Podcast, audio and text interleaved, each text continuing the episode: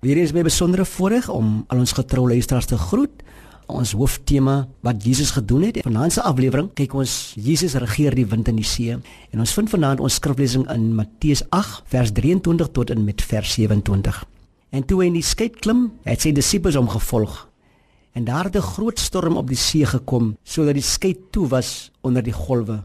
Maar hy was aan die slaap. Daarop kom sy disippels en maak hom wakker en sê: "Here, red ons, ons vergaan." En hy sê vir hulle: "Waarom is julle bang, klein gelowiges?" Toe staan hy op en bestraf die winde en die see.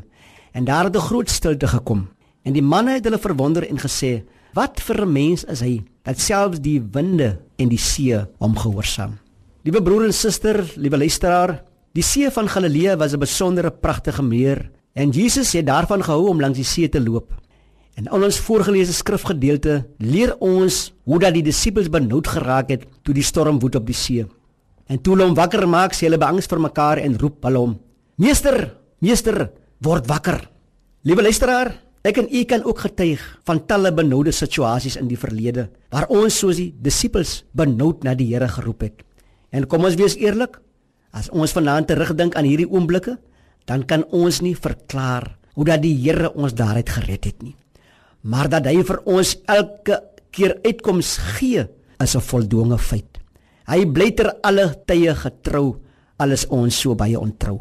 Dan staan ons in verwondering oor sy gesag wat hy oor enige situasie of omstandigheid kan uitvoer. Maar Jesus het in hierdie verhaal regop gestaan en met die wind en die water gepraat en gesê: "Wees stil." En dadelik het die wind opgehou en die branders het nie meer teen die skei geslaan nie. Kom ons word vir 'n oomblik stil en ons verenig in gebed. Ons hemelse Vader, help ons om nooit bang te wees nie. Help ons om te glo dat ons altyd veilig is as U naby ons is. Selfs die wind en die see is vir U gehoorsaam. Daarom sal U vir ons sorg. Here, open ons geestelike ore en oë om U in alles te gehoorsaam. Want Here, as die natuurverskynsels aan U gehoorsaam is, hoeveel te meer moet ons nie as u kinders u eer deur absolute gehoorsaamheid nie. Ek bid vanaand, Here, uit die diepte van my hart in die pragtige naam van Jesus, ons koning en heiland. Amen.